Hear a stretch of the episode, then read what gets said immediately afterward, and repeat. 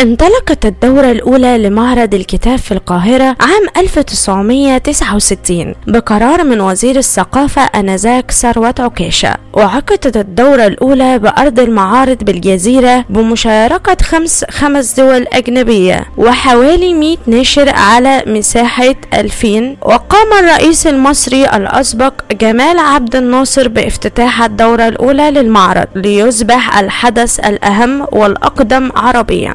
ملتقى ثقافي واكتفى المعرض خلال دورته التسع الأولى بأن يكون منفذا لبيع الكتب ليتحول بعد ذلك في عام 1978 لملتقى أدبي حيث عقدت في الدورة تلك العام حلقات دراسية على هامش المعرض وتميزت بنقاشات موضوعية وعميقة تخص موضوعات الأطفال والأهالي بتنظيم من مركز التنمية الكتاب بالهيئة العامة للكتاب. بمساعدة اليونسكو. في عام 1982 بدأت الملتقيات الثقافية بشكل رسمي للمرة الأولى ووصل المعرض انعقاده بشكل دوري في مقره بأرض المعارض الجزيرة حتى تم نقله إلى أرض المعارض بمدينة نصر. في عام 1971 تعرضت دار الأوبرا الخديوية بمقرها بحي الأزبكية إلى حريق كبير أدى إلى تدميرها بالكامل بعد أن بلغ عمرها 102 عاما. وتقرر فيما بعد بنائها من جديد لكن في مكان آخر.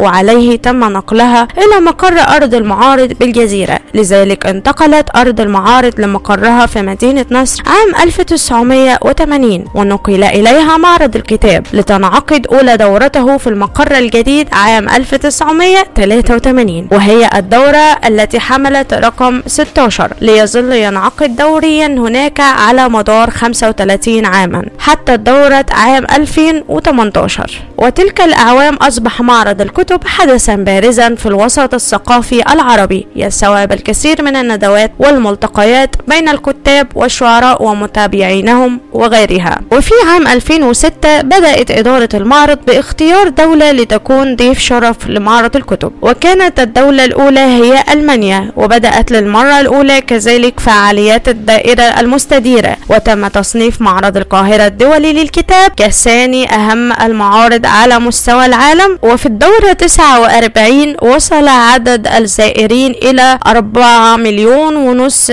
زائر على مساحة بلغت 100 فدان وهي المساحة الأكبر على مستوى العالم لمعرض الكتب.